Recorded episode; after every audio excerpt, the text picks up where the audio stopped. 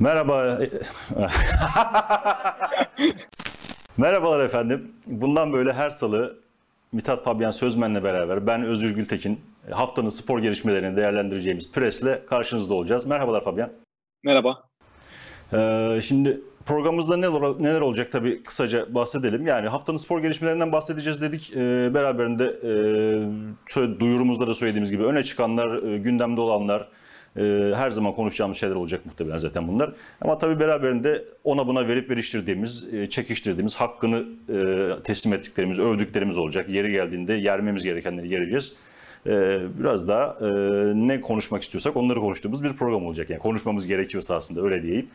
E, hemen o zaman hazırsak başlayalım Fabian. Hazırım, başlayalım.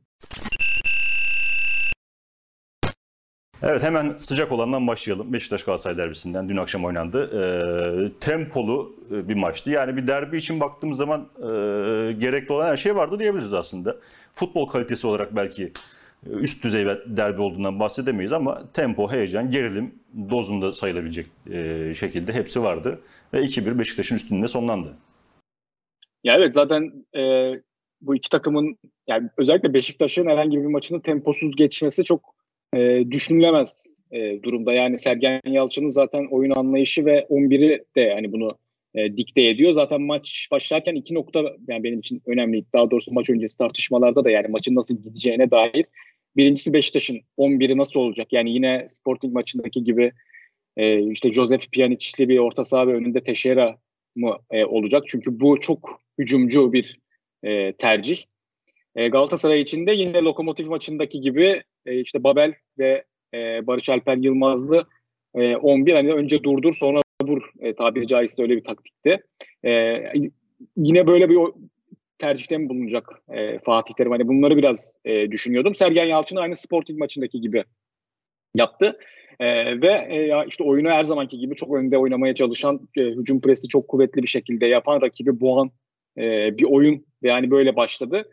E, Galatasaray'daysa e, oyuncular değişmişti. Yani hani Kerem ve Morutan e, vardı ama aslında anlayış e, yine aynıydı. Yani yine e, biraz daha e, geride daha çok bekleyip e, yani Beşiktaş'ı kontrol ataklarla, geçiş hücumlarıyla vurmaya çalışacak bir e, oyun düşüncesi vardı. Ama anladığım kadarıyla biraz daha e, özgüvenliydi Fatih Terim bu konuda. Çünkü hani Kerem ve Morutan tercihi bu arkadaki alanları e, topla birlikte daha iyi e, kat edip değerlendirebilecek. Yani top e, karşı rakip sahaya geçirebildiğinde Galatasaray orada daha mahir oyuncular ve topla daha ilişkileri iyi oyuncular. E, dolayısıyla biraz hani ilk yarıdan da golü bulabilirim düşüncesi bence biraz e, vardı e, Fatih Terim'de ama maçta şunu gördük. E, Beşiktaş sürekli e, boğdu ve e, Galatasaray henüz bu buna cevap verebilecek bir e, organizasyon, oyun içi organizasyonu sağlayabilmiş değil. Yani hani belki Lokomotiv e, maçındaki gibi e, maçları da olacaktır tabii ki ama e, ki işte o Beşiktaş'ın o çok hücumcu 11'inden bahsetmiştik. Aslında bu aynı zamanda kırılgan da bir 11. Yani e, Sporting maçında da gördüğümüz gibi özellikle e, geriden topla iyi çıkabilen takımlar, topa iyi e, hakim olabilen e, takımların bu e, taktiği kırması e, çok mümkün ve rakip sahaya geçtiğinde de pozisyonlar bulabilmesi çok mümkün ki Galatasaray'ın golü de böyle bir e, gol ama Galatasaray henüz bunu e, maç boyu çok istikrarlı bir şekilde yapabilecek bir e, oyun organizasyonuna erişebilmiş e, durumda değil. Dolayısıyla Süper Lig'de Beşiktaş'ın bu taktiğini çok iyi işlemesinin bir nedeni de e, bu aslında.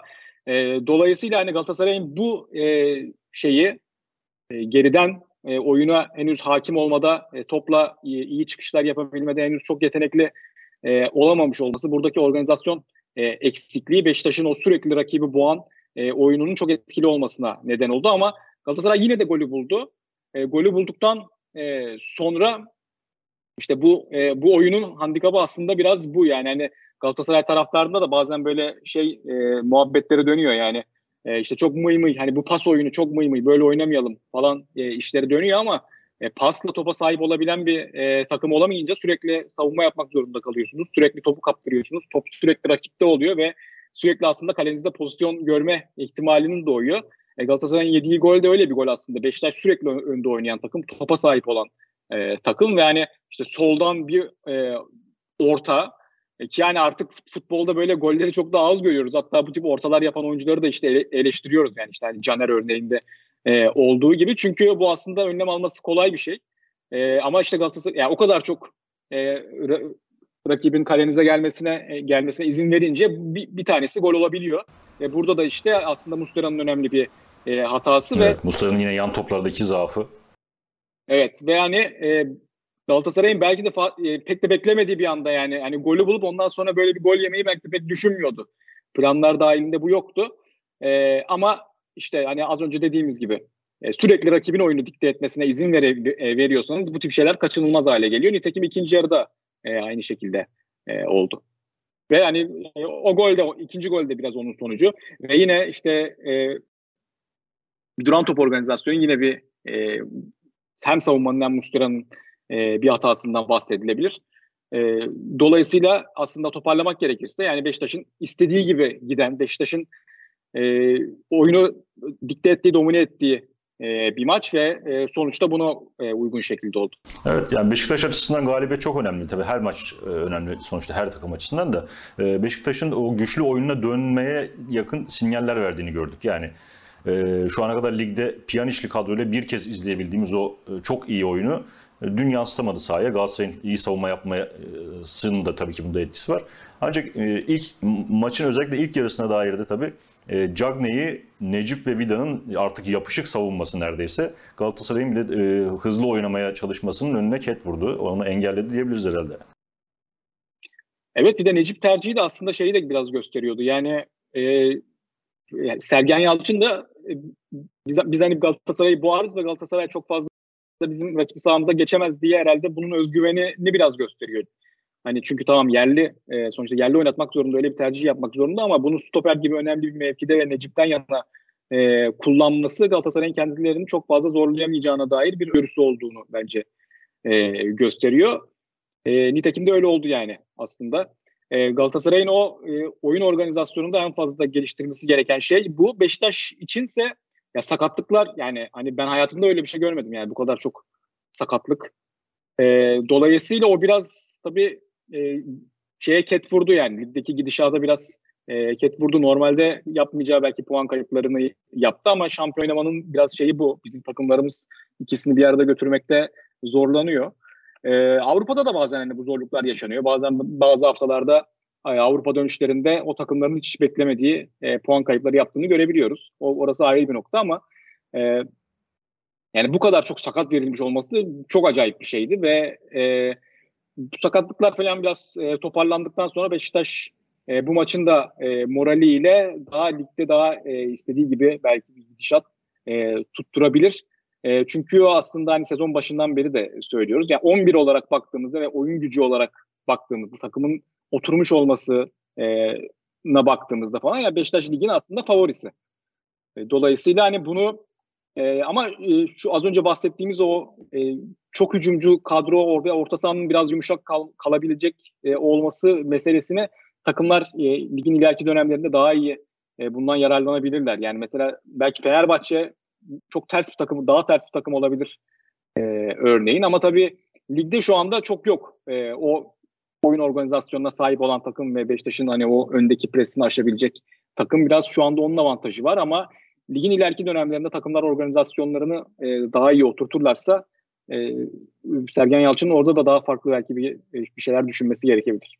Evet. Ee, şimdi Sergen Yalçın demişken tabii maç sonu açıklamalarını da çok kısa bir değinerek geçelim. Yani beraberinde tabii Sergen Yalçın'ın e, son Sporting Lisbon maçından sonra yaptığı açıklamaları da aslında değinmek lazım. Sen de ifade ettiğin Şampiyonlar Ligi e, yoruyor takımlarımızı. Şimdi Sergen Yalçın dünkü maçtan sonra da sanki Şampiyonlar Ligi maçlarını oynamasak keşke der gibi açıklamalar yapıyor. Bizi yoruyor, çok yıpratıyor falan diye. Yani şimdi bu mesele e, yani beraberinde şöyle düşünürsek her gün neredeyse e, dünyada bir yerlerde bir maç olması, futbol maçı olması tabii ki eleştirdiğimiz bir şey. Tabii ki futbol e, parayla e, ana işi yani ne, ne diyelim artık bir kazanç e, kapısı olması açısından çok büyük bir kazanç kapısı olması açısından eleştirdiğimiz bir şey futbolcu sağlığı açısından da ama şimdi bunu çıkıp da her maçta biz işte Şampiyonlar Ligi oynuyoruz, UEFA oynuyoruz, Avrupa'da oynuyoruz, yoruluyoruz falan demek yakışıyor mu Sergen Yalçın gibi bir e, konumdaki bir insana yani Beşiktaş'ın teknik direktörüne daha doğrusu öyle söyleyeyim. Burası bir problem bence. Sen ne dersin?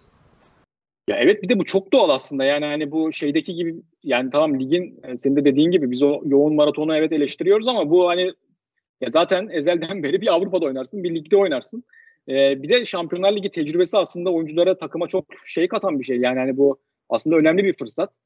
Ee, bu kadar çok bizim hocalarımızın bunu problem etmemesi gerekir. Yani hani bunu Fatih Terim de sürekli söylüyordu işte. Üç günde bir maç oynuyoruz. Üç günde. Herkes üç günde bir maç oynuyor zaten. Yani hani bu bu kadar böyle artık yani 25 yıl falan oldu yani her üç günde bir maç herkes oynayalı. Ya bu kadar bunun arkasında saklanacak bir şey olmaması gerekir ve az önce dediğiniz gibi aslında bir fırsat yani hani şu anda Galatasaray UEFA Avrupa Ligi oynamıyor olsa bir sürü genç futbolcusunun görmediği baş bir sürü tecrübe görüyor yani işte Velodrom'da Marsilya'da o şeyde atmosferde maça çıkıyorsun. E, gidiyorsun Rusya'da soğukta maça çıkıyor. Bunun kazandırdığı oyunculara bir sürü tecrübe var, bir sürü şey var. E, dolayısıyla hani buna böyle bir ya biz bunu oynamayalım ya falan. Zaten maddi olarak e, baş edemezsin ya. Şampiyonlar Ligi oynamayacaksan orada gelir olmayacaksa Avrupa'da oynamayacaksan onun geliri olmayacaksa sadece ligde şampiyon olarak e, ne maddi olarak e, gelecekteki bunun şeyleriyle baş edebilirsin ne de oyuncuların takımın yeterince gelişebilir. Yani hep makas açıldı falan ondan bahsediliyor e, makas çok daha açılır böyle olursa. E, tabii kaldı ki zaten Beşiktaş planlamasını ya başta Pjanic olmak üzere futbolcu planlamasında Şampiyonlar Ligi üzerinden yaptı. Bu o hem oradan gelecek para hem de orada oynamak üzere bir kadro kurdu yani. Şimdi dönüp de burada orada maç oynuyoruz, yolluyoruz falan. Bunların artık doğru da olsa bu kadar dile getirilmemesi lazım diye düşünüyorum. Yani evet ve ama zaten Türkiye tabii puan olarak artık çok gerilerde e, kaldığı için Şampiyonlar Ligi'nde gerçekten de mücadele edecek takım e, bulamayabiliriz ileride. O zaman e, hocalarımız da biraz bundan kurtulmuş olur. evet. Ee, Sergen Yalçın demişken hemen bir kısa Sporting Lisbon maçına e, ve sonrasındaki e, açıklamalarına değinelim mi? Top e, çok tepki çekti. Sergen'in açıklaması, Sergen Hoca'nın açıklamaları. Sergen deyince kızıyormuş kendisi. Sergen Hoca'nın açıklamaları. Ee, üç tane aynı pozisyon, ikisi gol, biri penaltı olmak üzere Beşiktaş e, üç golü de bu şekilde yedi. E, aynı dediğim yani birebir aynı olmasa da çok benzer birbirine. E, ve sonuçta Sergen Yalçın maçtan sonra e, buradan çıkarılacak bir ders yok, şans gibi bir açıklamada bulundu. Dünkü maçtan sonra da yine oraları hatırlatarak başka bir şeyler söyledi. İşte yanlış anlaşılabilir ya da e, tam öyle demediğim gibi bir ifade oldu. Şimdi ben de yanlış aktarmayayım ama hem biraz düzeltir hem de aslında böyle de olabilir gibisinden bir açıklama yaptı. Yani burada ilginç şeyler oluyor aslında. Yani sen ne düşünüyorsun Mesut?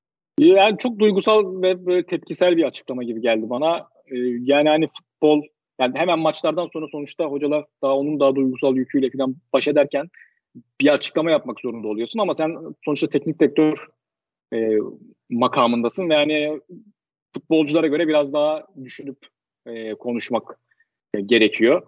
Ben o bakımdan Sergen Yalçın'ın açıklamalarını biraz duygusal ve tepkisel e, buldum. Yani belki bir iki saat daha iki saat sonra belki öyle düşünmüyordu büyük ihtimalle. Yani ya elbette çıkarılacak çok fazla ders var. Yani bir kere yediğin duran top golleri tabii ki şans değil. Sporting bunları zaten yapıyor yani. yani sizin bunlardan haberiniz e, olması gerekirdi. E, kaldı ki 3 gün sonraki maçta aynı golü sen attın. Yani dolayısıyla e, çıkarılacak ders e, tabii ki varmış. Bir de tabii az önce yani en başta bahsettiğimiz gibi e, Sporting sadece duran top golleri değil başka pozisyonlar da buldu o maçta. Yani o Beşiktaş'ın e, Sporting gibi takımlarla ileride fazla karşılaşmayacağını düşünüyor herhalde Sergen Yalçın ve Şampiyonlar Ligi'ne de havlu atıldığını düşünüyor. Belki o yüzden fazla ders çıkarılmasına gerek yok diyor. Çünkü ligde e, o seviyede takım evet çok az. Yani e, o seviyede takımlara kaybetsen de bu e, aslında bu oyun gücüyle e, yine de e, ligin diğer zayıf rakiplerini e, den e, o maçlarda çok puan kaybetmeyeceğini e, düşünerek şampiyonluğu öyle de e, tabii ki alabilirsin ama e, işte hedef sadece biraz şeye mi indirgendi yani işte lig şampiyonluğuna mı indirgenmiş e, durumda şüphesi oluşuyor e, o zaman da. Yani kesinlikle alınacak e, dersler yani çok fazla var aslında. Başka takımların da alması gereken dersler var. Yani Beşiktaş'la karşılaşan takımların. Evet. Yani derbiyi toparladıysak eğer biraz daha diğer e, Türkiye'deki önemli gündem olan Fenerbahçe'deki infial haline bir bakalım istersen. Yani Fenerbahçe'de neden Fenerbahçe başlığıyla konuşmaya başladım? Çünkü Fenerbahçe e, bir hafta önce Trabzonspor'la bir maç yaptı. Aslında Fenerbahçe Trabzonspor maçını da konuşabilirdik ama orada maçın ardından Fenerbahçe'nin e, camianın kulüp başkanı seviyesinde veya başka yöneticiler seviyesinde dile getirdiği açıklamalar. E, bu hafta Alanya maçında reklam tab e, tabelalarına yansıtılan Fener'le başa çıkılmaz yazısı falan filan derken e, birden nerelerden bir haftada nerelere geldik ve Alanya mağlubiyetinden sonra yönetim istifa sesleri. Ne oldu? Bir, sen ne düşünüyorsun bu konuda? Ya bir tabii ki o meselede bir yani işte, Trabzon maçı sonrası Fenerbahçe üzerine oynanan oyunlar ve hakem e, mevzusundan bir anda Alanya maçı sonrası istifa yani hani bu ne perhiz bu ne lahana turşusu durumu oluyor. Bir de ama bunun da e, temelinde aslında Fenerbahçe'de medyanın da e, çok körüklediği çünkü bunun e, iş yaptığını biliyorlar Fenerbahçe özelinde. E, yani bu duygular çok yukarıda yaşanıyor. Yani çok yüksek yaşanıyor. Şey ise sezon başıysa örneğin inanılmaz bir iyimserlik oluyor. Yeni bir hoca transfer geliyorsa, sezonu özellikle. yani yeni bir hoca geldiyse o kesinlikle dahi işte bir transfer geliyorsa kesin 30 gol atacak. Biri kesin uçacak kaçacak. E, başkan zaten o zaten dünyanın en zengini ve vizyoneri. Falan, yani işe başlarken duygular çok yukarıda ve her şey e, çok güllük gülistanlıkmış gibi e, davranılıyor. Ve ilk kötü sonuçta da bir anda bütün böyle her şey yıkılıyor ve dünya karardı dünya sona erdi. Şampiyonluk gitti. İşte yorumcuları falan dinliyorum yani. E, benim umudum kalmadı. Bitti artık. Bu sezon bitti. E, Vitor Pereira hemen gönderilmeli. Ya geçen sene de aynıydı. Ondan önceki sene de aynıydı yani. Hani bu şey çok değişmiyor. Yani ilk kötü sonuçta hemen bir melankoli içine düşülüyor. E, az önce dediğim gibi medya bunu kesinlikle kaşıyor çünkü hani Fenerbahçe olunca e, şey bu yani satan şey bu herhalde. Ee, ya dün akşam Twitter'da sen de görmüşsündür. Emre Bol ile e, kimdi Galatasaraylı abimiz unuttum ismini.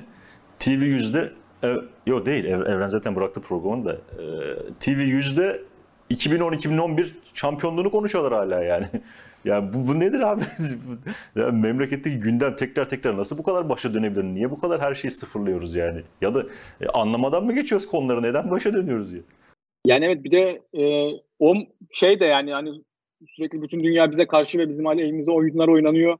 İşte hakemler falan. Yani bu muhabbetler de biraz aslında e, o camiayı biraz gerçek şeyden uzaklaştırıyor. Yani hani gerçek sorunlar üzerinde düşünmekten uzaklaştırıyor. Saha içini konuşmaktan e, uzaklaştırıyor. Oyuncuların bence ve teknik direktörün çok fazla e, konsantrasyonunu e, bozuyor. Dolayısıyla hani buradan yürümenin çok mantıklı olduğunu ben düşünmüyorum. Yani hani direkt hemen bir şey sonrası Fener'de kimse başa çıkamaz falan. Yani hani ya da işte megafonla başkanın çıkıp açıklamalar yapması. Yani ben bu sene bundan biraz daha uzak duran bir yönetim görüyor gibiydim ama hemen Trabzon maçı tabii Trabzon'da duygusal bir maçtı. Yani hani iki cami arasındaki gerginliği de düşününce. Ee, onun sonrasında hemen yeniden bu ruh haline bürünüldü. Sonra bir Alanya maçı kötü sonuç ki aslında şimdi yani iki maçı da düşündüğümüzde tablo farklı olabilirdi ya da e, işte e, Antwerp beraberlik o maçı düşünsek tablo farklı olabilirdi. E, Frankfurt maçını düşünsek farklı olabilirdi. Yani Fenerbahçe bu maçların hepsinden daha iyi sonuçlar da alabilirdi. Al Alanya yani 70-75 dakika Fenerbahçe kalesine şut çekmedi. Yani Fenerbahçe de tamam ileride çok fazla üretemiyor ve hani en büyük problemi bu ama yani bir şekilde e, rakibi de çok fazla e, kalesine hiç yaklaştırmayan bir oyunu da e, oynayabiliyor. E, yani dolayısıyla öyle çok fazla Fenerbahçe için yani hani dünyanın sonu geldi Victor Pereira kesin gitmeli berbat durumdayız falan. Ya böyle bir şey yok. E, camianın da buna şey yapması lazım. Yani buna odaklanması lazım. Hani bir anda yani biraz tabii şeyde şeyle de alakalı. Uzun süredir hani başarı yok. Ee, çok bu sene olmalı şampiyonluk duygusu var ama o bu sene olmalı duygusunun camia üzerinde, takım üzerinde baskı yaratmasına izin verdikçe o sene de olmuyor. Yani tüm bu duygular bir sonraki seneye taşınıyor ve yine her şey böyle bir e, kısır döngü içine girmiş durumda Fenerbahçe. Evet bir sorunun tespit edilememesi gibi bir durum mu var acaba değil mi? Sanki sorunun ne olduğu bilinmiyor da etrafında geziliyor, aranıyor gibiymiş. E şimdi saha içine dair sorunlar var. Ee, tamam.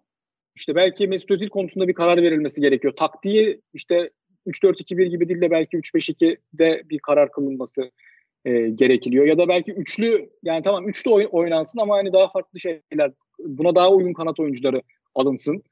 E, oyunu Fenerbahçe daha e, bu kadar geniş alanda oynamasın. Tamam bunlar hep konuşulsun. Fenerbahçe'nin ön alandaki e, yaratıcılık problemi yani bunların konuşulması lazım. Böyle bir anda e, her şeyi kestirip atan e, konuşmalar yapılmaması lazım.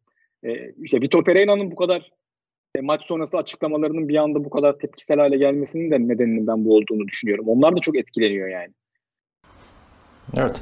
Ee, yani daha çok e, konuşabiliriz üzerine de çok da gerek yok sanırım. Yani Süper Lig özelinde de yani e, şöyle söyleyeyim Fenerbahçe'nin, Beşiktaş'ın ya da e, başka herhangi bir takımımızın da e, benzer tepkiler verdiğini bu tür durumlar karşısında belki Fenerbahçe bugün daha aşırı veriyor ama söyleyebiliriz. Neden? Yani Süper Lig'in başlamasından itibaren kaç hafta oldu ama şu anda teknik direktör değişimi rekoru kırıyoruz. Yani bu inanılmaz bir sirkülasyon var. Yine aynı isimler aynı takımlara dönüyorlar.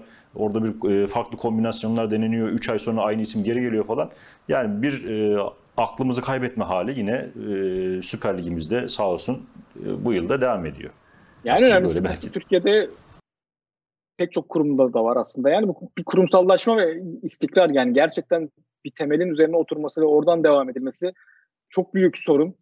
Bence Galatasaray için mesela en önemli bu sezonun artısı bu yani hani başa şampiyon olacağını düşünmüyorum takımın ama e, bilinçli bir plan proje var ve onun ona onun üzerinde ilerleniyor yani. E, dolayısıyla hani tüm kulüplerin de girmesi gereken yön olarak ben bu, bunu düşünüyorum. Diğer kulüplerinde bu bazı şeylerde de var bu arada. E, takımlarda özellikle e, iyi teknik direktörlerin kendini gösterme fırsatı bulduğu işte bir Ömer Erdoğan, Hatay gibi işte İlhan Palut, Konya. Mesela Alanya bence Çağdaş Atan konusunda çok acele şey yaptı. Yani hani bir anda e, o şeyin o emekler bir buçuk senenin emeği bir anda boşa gitmiş oldu. Bülent Korkmaz da belki şu anda çok iyi gidiyor kağıt üzerinde ama e, hani ama oyun olarak tamamen başka bir kimliğe büründü Bülent Korkmaz'la beraber tabii evet, yani. yani oyun olarak da o ışığı veriyor mu? E, orası bence çok fazla yok. E, dolayısıyla e, hani böyle bazı örnekler de var ama o örneklerden de e, çok çabuk geri dönülebiliyor Alanya örneğinde e, olduğu gibi ama Türk futbolunda bence genel olarak böyle bir e, sıkıntı bu ve bunun düzeltilmesi biraz e, gerekiyor ki Fenerbahçe de bence yarım yamalak hani bu konuda bazı adımlar atıldı. En azından hani o transferlerde bazı transferler mesela şey e, akılcı transferler buna yönelik e, transferler e, biraz bu yönde ilerlenmesi gerekiyor. Evet. Hemen çok kısa haksızlık yapmayalım diye liderden bahsedeyim. Namalup liderimiz Trabzonspor Süper Lig'de. Yani çok bahsi geçmiyor. E, Trabzonspor'un da e, teknik direktör e, Abdullah Avcı'nın da benzer hikayeler yaşamasından dolayı geçmişti. Yani liderliği kapması, belki e, ligi başta götürmesi ama finali gerçekleştirmemesi gibi e, hikayelerin benzer olması isminde belki şu an temkinli yaklaşılmasına sebep oluyor ama bir gerçek de var ki namalup lider şu an Trabzonspor. Evet namalip lider ve e, yani e, puan olarak da çok iyi bir e, konumda. E, ama e, hani bir şekilde kazanıyor Trabzonspor ama haftalardır ben e, istediği oyunun da sahada olduğunu düşünmüyorum. E, buna rağmen maçların kazanılabiliyor olması değerli. Ama mesela örneğin Beşiktaş'ın potansiyeli var mı Trabzonspor'un şu anki takımında? Bence e, çok onu gö- görmüyorum. Yani hani yine bir e, sonlara doğru tökezleme hali olursa çok fazla şaşırmayacağım ben örneğin. E, ama yine de Trabzonspor'un da e, planı projesi şu aslında yani bu sene şampiyon olmak yani hani bu da bazen bir şey olabilir. Yani çok geleceğe dönük bir şu anda e, bir plandan projeden bahsedemeyiz belki ama her şey bu sene için yapıldı. O da yıllardır şampiyonluğa açık bir e, camia. Belki bu uğurda futbolculara verilen hani altına girilen finansal yükümlülükler de e, çok fazla. E, o bakımdan yani hani eleştireceğim de bir şey aslında. E, bir proje ama e, hedef yani bu sene şampiyonluksa e, tamam onu biraz daha anlayışla karşılayabiliyoruz. E, dolayısıyla Trabzon hani buna da uygun bir şekilde çok iyi bir başlangıç e, yaptı ama ben e, ne kadar uzun vadeli e, olur e, az önce o bahsettiğimiz Avrupa e, Kupası maçlarının aslında hani, Trabzonspor'un başında öyle bir tırnak içerisinde dert e, olmaması da o bakımdan rahatlatıyor ve yani işte baktığımızda da çok, pek çok takım bundan faydalanıp şampiyon da e, olmuştur. E, Avrupa maçlarıyla uğraşmak zorunda e, olmamaktan öyle bir avantaj e, da var ama dediğim gibi ben aslında hala biraz temkinliyim yani Trabzon'a karşı. Evet. Ee, gündeme dair değerlendirmeleri sonlandırdıysak e, programımızın hafıza bölümüne geçelim. Hafıza adını verdiğimiz bölümde ne olacak? Tarihe kazınmış olan e, figürler ya da olaylara dair bir hatırlatma yapacağız. O hafta e, tarihte gerçekleşen olaylara dair veya tarihteki bir figüre dair bir hatırlatma, bir e, tazeleme yapacağız diyelim. Bu haftaki konuğumuz Brezilyalı Garinca. Evet Garinça'yı seçtik çünkü hani 28 Ekim e, onun doğum e, günü yani iki gün sonrası. Bir de e, geçen hafta da Pele'nin e, doğum günü vardı. Yani hani Garinça'dan bahsederken biraz Pele'den de bahsetme e, fırsatı bulabiliriz. Çünkü hani Garinça hakikaten 20. yüzyılın en enteresan e, futbol e, figürlerinden e, biri. E, ben hani geçen sene e, ona dair e, yazmıştım ve onun çok enteresan bir şeyi var. Yani 1958 Dünya Kupası'nda e, tam böyle e, Sovyetler e, miti dolaşıyor e, ortalıkta ve Sovyetler de o dönemde işte uzaya çıkmış, Sputnik'i uzaya göndermiş falan böyle teknolojik olarak çok e, büyük ilerlemeler e, kaydediliyor falan böyle enteresan bir e, bilim kurgu atmosferi var ve e, Garinça'da e, orada e, aslında hani Garinça'nın fizik olarak falan da baktığımızda yani bir bacağı diğerinden 7 santim e, uzun e, böyle çok e, baktığınızda bir futbolcu fiziği de yok. Hatta işte şey Dünya Kupası'na gelirken e, Brezilya o dönem bazı böyle testler yapıyor. Aslında biraz ırkçı da e, ırkçı bir yaklaşımla da yapılıyor ve işte Garinça'ya yarım akıllı e, muamelesi yapılıyor falan böyle. E, ama e, şeyde de grup maçlarında da Sovyetlerle karşılaşılan ilk maçta da e, Garinç hakikaten muhteşem bir e, oyun sergiliyor ve e, tüm yeteneklerini konuşturuyor aslında ve ondan sonra da e, Brezilyalılar ona bizim Sputnik'imiz de e, Garinça diyor ya başka bir e, şekilde bakınca da anti Sputnik deniyor. Yani hani e, çok böyle teknolojinin ilerlediği, çok bilimin çok böyle e, ilerlediği e, bir dönemde tam böyle e, o dönemki algılayışla belki de çok böyle e, ilkel bir, bir şey çıkıyor ve e, yani bu, bunun e, buna tamamen karşı koyuyor. Onu mağlup ediyor. Tabii Garinç'e yönelik bu tip değerlendirmelerde biraz böyle e, aslında Brezilya'da hem yerlilere hem e, siyahlara yönelik e, sergilenen ırkçılığın da şeyi vardır. Yani hani pek çok e, şeyde Garinç'e böyle e, yarı işte cahil yani yarı insan aslında hani biraz böyle e, şey yapılıyor. Duygularını kontrol edemeyen e, ama işte bir şekilde de çok yetenekli e, bir, bir figür olarak e, tabir ediliyor. Yani bu kadar bilimin karşısında biraz böyle işte bizim e, vahşi Garinça'mızda çıktı ve anti Sputnik'imiz e, oldu e, benzetmesinin biraz böyle bir arka planı da e, var ama Garinça kariyeri e, boyunca da bir, bir bu şeyi bu arada kalmışlığı biraz e, sergileyen işleri de imza atıyor aslında. Yani çok büyük bir e, aslında yıldız oluyor ama o yıldızlıkla mesela nasıl baş edeceğini hiçbir zaman e, bilemiyor. Dolayısıyla e, çok kendini kariyer anlamında çok geriye çekecek e, hamleler sürekli e, yapıyor. İşte alkol problemi ne düşüyor. Bir türlü tam profesyonel e, olamıyor.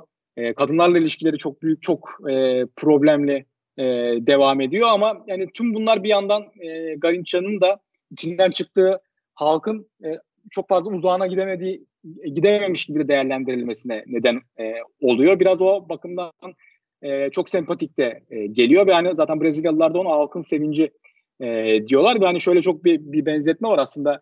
E, hani Pele halkın içinden e, çıktı ve çok büyük bir e, yıldız oldu ama Garinca halkın içinden çıktı. Yıldız oldu ama orada kaldı. E, dolayısıyla Pele e, idolleştirildi, kahramanlaştırıldı. Garinca ise kahramanlaş, kahramanlaştırılmasına gerek yoktu. Zaten her zaman oradaydı ve e, do, onun bir sonucu olarak da belki daha içten sevilen bir e, figür oldu ama e, baktığımızda hani Pele e, çok yani hem futbolculuğu e, tanımlayan hem yıldız olmayı e, tanımlayan e, bir figürdü hem de e, Brezilya'daki e, işte siyahlar olsun, yerliler olsun hani diğer o marjinalize edilmiş topluluklar için çok e, ilham verici bir e, figür de oldu. Sadece başarıya ulaşabilmiş e, olmasıyla ama aynı zamanda her zaman e, oradaki güçlüler tarafından e, beyaz e, zengin kesim e, tarafından ki bunun e, başında da Havalanş gelir. E, Brezilya futbolunun e, bir numaralı e, yöneticisi her zaman da onlar tarafından kullanılmıştır. E, işte darbe olmuştur, darbeciler tarafından e, kullanılmıştır. Biraz kendini bunun dışında konumlayabilecek bir e, pozisyon hiçbir zaman e, elde edememiştir. E, diğer taraftan e, Garinça da hayatı e, hızlı bir şekilde çöküşe geçen, futbol bıraktıktan sonra özellikle çöküşe geçen bir isim e, olmuştur. 1982'de işte Plakar dergisinin e, Brezilya'da bu ikiliyi yeniden yıllar sonra bir araya getirdiği meşhur bir e, kapak var. Yani Pele o dönemde futbolcu belki değil ama artık hani futbolun gelmiş geçmiş en iyi e, ismi e, en iyi oyuncusu olarak e, anılıyor ve işte yani gerek serveti bakımından gerek orada ülkede edindiği statü bakımından bambaşka bir yerde. E, Garinça ise aslında korkunç bir e, durumda. Yani alkolizm, e, içine düştüğü ekonomik durumun kötülüğü vesaire ki zaten o kapaktan e, birkaç ay sonra da e, hayatını kaybediyor e, Garinç'e ve işte çok e, trajik bir şekilde sonlanıyor hay- hayatı. Daha çok kendi yaptığı hatalar e, yüzünden aslında. Eduardo Galeano'nun ona dair e, çok güzel bir benzetmesi var. Charlie Chaplin e, mizahına e, benzetiyor. Yani hani rakiple e, dalga geçerdi belki alay ederdi, küçük düşürürdü ama hiçbir zaman içinde bir kötülük yoktu. Çok masum e, bir hınzırlıktı bu e, diye. E, ve hani 20. yüzyılın tüm bunları bir araya getirdiğimizde 20. yüzyılın en enteresan aslında e, futbol figürlerinden e, biri bence. Yani Pele ile de tam bir zıt e, oluşturması, tezat oluşturması e, bakımından da ben onu çok enteresan buluyorum. Ve yani ne zaman e, vakti gelse e, anmak, e, anılmalı e, e, diyorum yani. Evet. E, bugün çok bahsedilen profesyonellik kavramının da aslında dışında bir yıldız olduğunu Garinçan'ın da belki tekrar vurgulayabiliriz. Onu övdüğüm düşünülmesin. Yani hani bu kadar e, bu kadar profesyonelliğin dışında yaşamasını övdüğüm düşünülmesin çünkü aynı zamanda çok apolitik de bir e, figür. Yani hani bunun arkasında başka şeyler e, barındıran bir şey değil. E, öyle düşünülmesin ama hani bugünle kıyaslayınca her şeyin çok böyle e, çok be, önceden belirlenmiş olduğu, çok mekanik ilerlediği, çok e, bu, onunla kıyaslayınca da evet yani e, Garinça spontaneliğinin spontaneliğinin de bir şeyi vardı. E, onda ilgi çekici e, yanı vardı. Yani özlenen bir yanı da var bugün günümüz futbolu için. Evet. Hemen e, Garinça meselesinden sonra, Garinça'yı hatırlattıktan sonra daha, daha doğrusu, e, Geri Lineker'in e, verdiği bir röportajda da bir kısa değinelim istersen. Lineker e, 1986'nın futbolun en iyi yılı olduğunu ifade etmişti. Sen ne düşünüyorsun bu konu hakkında?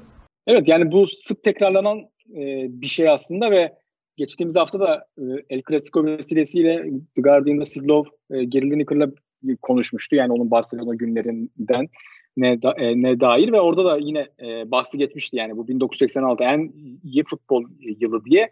Hani niye en iyi futbol yılı biraz belki onu hatırlamakta e, fayda var. Çünkü zaten malum birincisi 1986 Dünya Kupası var. Meksika'da belki de tarihin en iyi Dünya Kupası. E, hani Maradona'nın e, damga vurduğu bir Dünya Kupa. E, Dünya Kupası hem e, elle attığı gol yani Tanrı'nın eli hem de attığı e, belki de yüzyılın e, golü. O da işte e, Tanrı'nın zekası mı denir ya da Tanrı'nın e, eli ve ayağı demiştim hani ben bir kere. E, yani hem Tanrı'nın elini hem ayağını konuşturduğu o muhteşem maç var. E, Arjantin'in kazandığı Dünya Kupası e, var. Tabii o da e, çok önemli. E, Meksika 1986'nın hayatımıza kattığı başka pek çok e, şey daha var. Yani tabii Meksika dalgası tabii e, onun önemli yani en önemli unsurlarından biri belki. E, burada şunu hatırlatmayı yapmak lazım. Meksika dalgası Meksika 1986'da icat edilmedi. Aslında Kuzey ya Amerika'da e, ve hani öncüleri Kanada'da da var galiba. Daha çok üniversite maçlarında e, tribünlerde kullanılan bir şey ve hani Meksika 1986'da e, oradan aslında alıyor ama en çok kim meşhur et, ettiyse biraz onun adıyla anılan e, bir şey ve hakikaten hala görürüz tribünlerimizde Meksika dalgasını. E, onun dışında yine Dünya Kupası'ndan devam etmek e, gerekirse örneğin bir Hani Danimarka'nın böyle müthiş bir çıkışı vardı. O hala e, tadı damaklarda kalmıştır. Ya da işte Fas'ın e, gruptan çıkan Afrika takımı e, olarak Afrika futbolunu değiştirdiği an e, olarak çok sık e, tanımlanır. O önemli bir andır. Dünya futbolunun geri kalanlarına baktığımızda aslında biraz hani bu az önce verdiğimiz örnekler Danimarka, Fas biraz oradan bahsettiğimizde de e, görebileceğiz. Biraz hani bugünkü kadar çok böyle e, hakimiyetin böyle birkaç ülkede olmadığı, daha böyle yaygın e, futbolun e, futbolda güçlerin biraz daha e, eşit olduğu örnekleri de belki hani e, göreceğiz. Tabii yani eşit derken daha yaygın diyeyim. Çünkü belli ülkelerde e, işte bir Sovyet Sovyet e, takımları ve milli takımı örneğin ya da işte hani bunun Yugoslav versiyonları ya da Doğu blokunun diğer şeyleri Romanya e, örnekleri vereceğiz e, birazdan. Öyle baktığımızda hani bugünkü futbolla kıyasladığımızda daha az tekelleşmiş bir ortam var ve onun getirdiği de bir e, güzellik var. Örneğin o yıl Ballon d'Or'u e, Igor Belanov alıyor e, Dinamo Kiev'in e, futbolcusu ve e, Dinamo Kiev'de işte Kupa Galipleri Kupası'nda Kupa Galipleri Kupası'nın e, şampiyonu. E, onun dışında işte Şampiyonlar Ligi'ne baktığımızda Steaua Bükreş'in e, şampiyonluğu var. Barcelona karşısında e, çok meşhur yani hani penaltı bütün penaltıları kurtaran e, kaleci Duk adamın e, öncülüğünde kazanılmış bir Şampiyonlar Ligi. Şampiyonlar Ligi Romanya'ya gitmiş. Örneğin onu görüyoruz. E, UEFA Kupası'nda Real Madrid var ama hani bir, bir sene sonra da örneğin e, İsveç'te Göteborg'un şampiyonluğu var.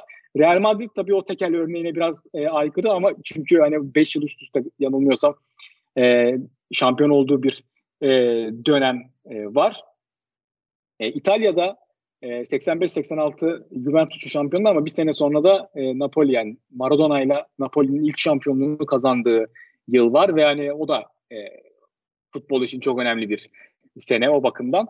E, dolayısıyla yani dünya futbolunda böyle bir e, ortam var ve yani tüm bunları bir araya getirdiğimizde hakikaten e, Dünya Kupası'nın öncülüğünde gerçekten Dünya 1986 neden futbolun en iyi yılıydı anlayabiliyoruz. Bir de çok böyle arada bir e, dönemde yani ne futbol çok böyle e, tırnak içerisinde ilkel ne bugün kadar çok fazla e, endüstrinin bu kadar her şeyi belirlediği bir ortamda tam böyle ara bir geçiş e, dönemi ve o bakımdan tüm bunun e, renklerinin fazlasıyla yansıdığı bir e, yıl olduğunu düşündüm. O yüzden e, hafızayı bu e, bu haftalık normalde bir bölüm yapmayı düşünüyoruz ve en başta da Garınça'yı belirlemiştik ama hani Lineker'ın bu röportajı sonrası da bu bu meseleyi de bir e, alalım e, dedik ve e, ilk hafta böyle bir ikili bir hafıza yapmış olduk.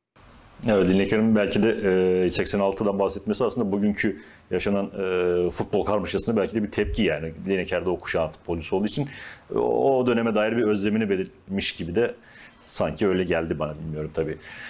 Fabian'cığım eklemek istediğin başka bir şey yoksa bugünün programı kapatıyoruz ama bu haftalık daha doğrusu. Evet bu haftalık kapatıyoruz. Haftaya e, inşallah ben de stüdyoda olacağım. Daha iyi e, bir daha iyi şartlar. Umarım sabırsızlıkla bekliyoruz. O zaman haftaya tekrar görüşmek üzere. Herkese iyi haftalar, iyi günler dileriz.